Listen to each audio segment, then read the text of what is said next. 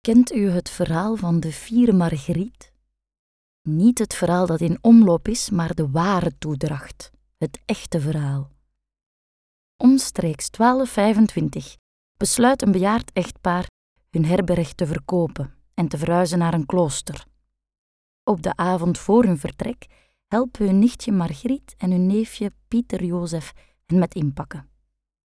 Nu kloppen er toch niet juist die avond schurken aan die zich voordoen als uitgehongerde reizigers.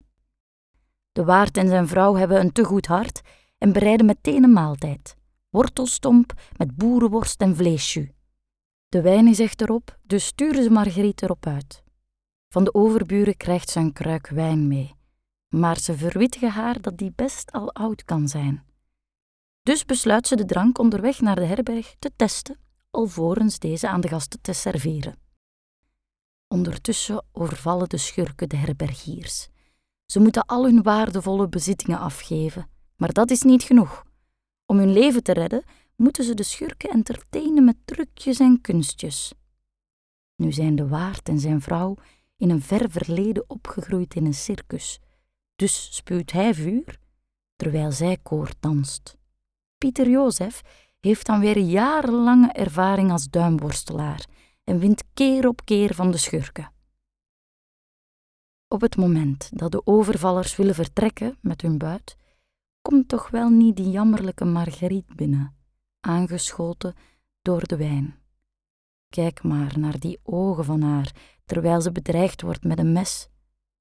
Ze kent geen trucjes, maar de oude wijn die maakt haar overmoedig. Ze stoeft dat ze zo erg kan verstijven dat ze kan drijven op het water van de dijlen. Dat willen de schurken wel eens zien. Raar maar waar. Door de wijn is Margriet in staat op de dijlen te drijven, stroomopwaarts, ongelooflijk.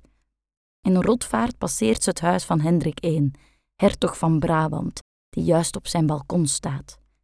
Zijn soldaten vatten de schurken bij de kraag. Deze kennen helaas geen trucjes om hun leven te redden.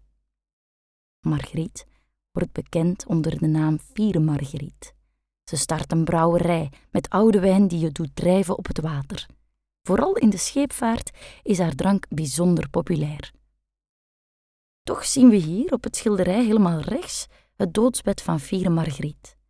Zestig jaar na de overval op de herberg is op gezegende leeftijd overleden, met iets te veel oude wijn in haar bloed. Haar rouwende familie zal haar brouwerij nog generatie op generatie voortzetten. En nog steeds kan je ieder jaar hier op de kerstmarkt in Leuven een flesje vier margrietedrank op de kop tikken.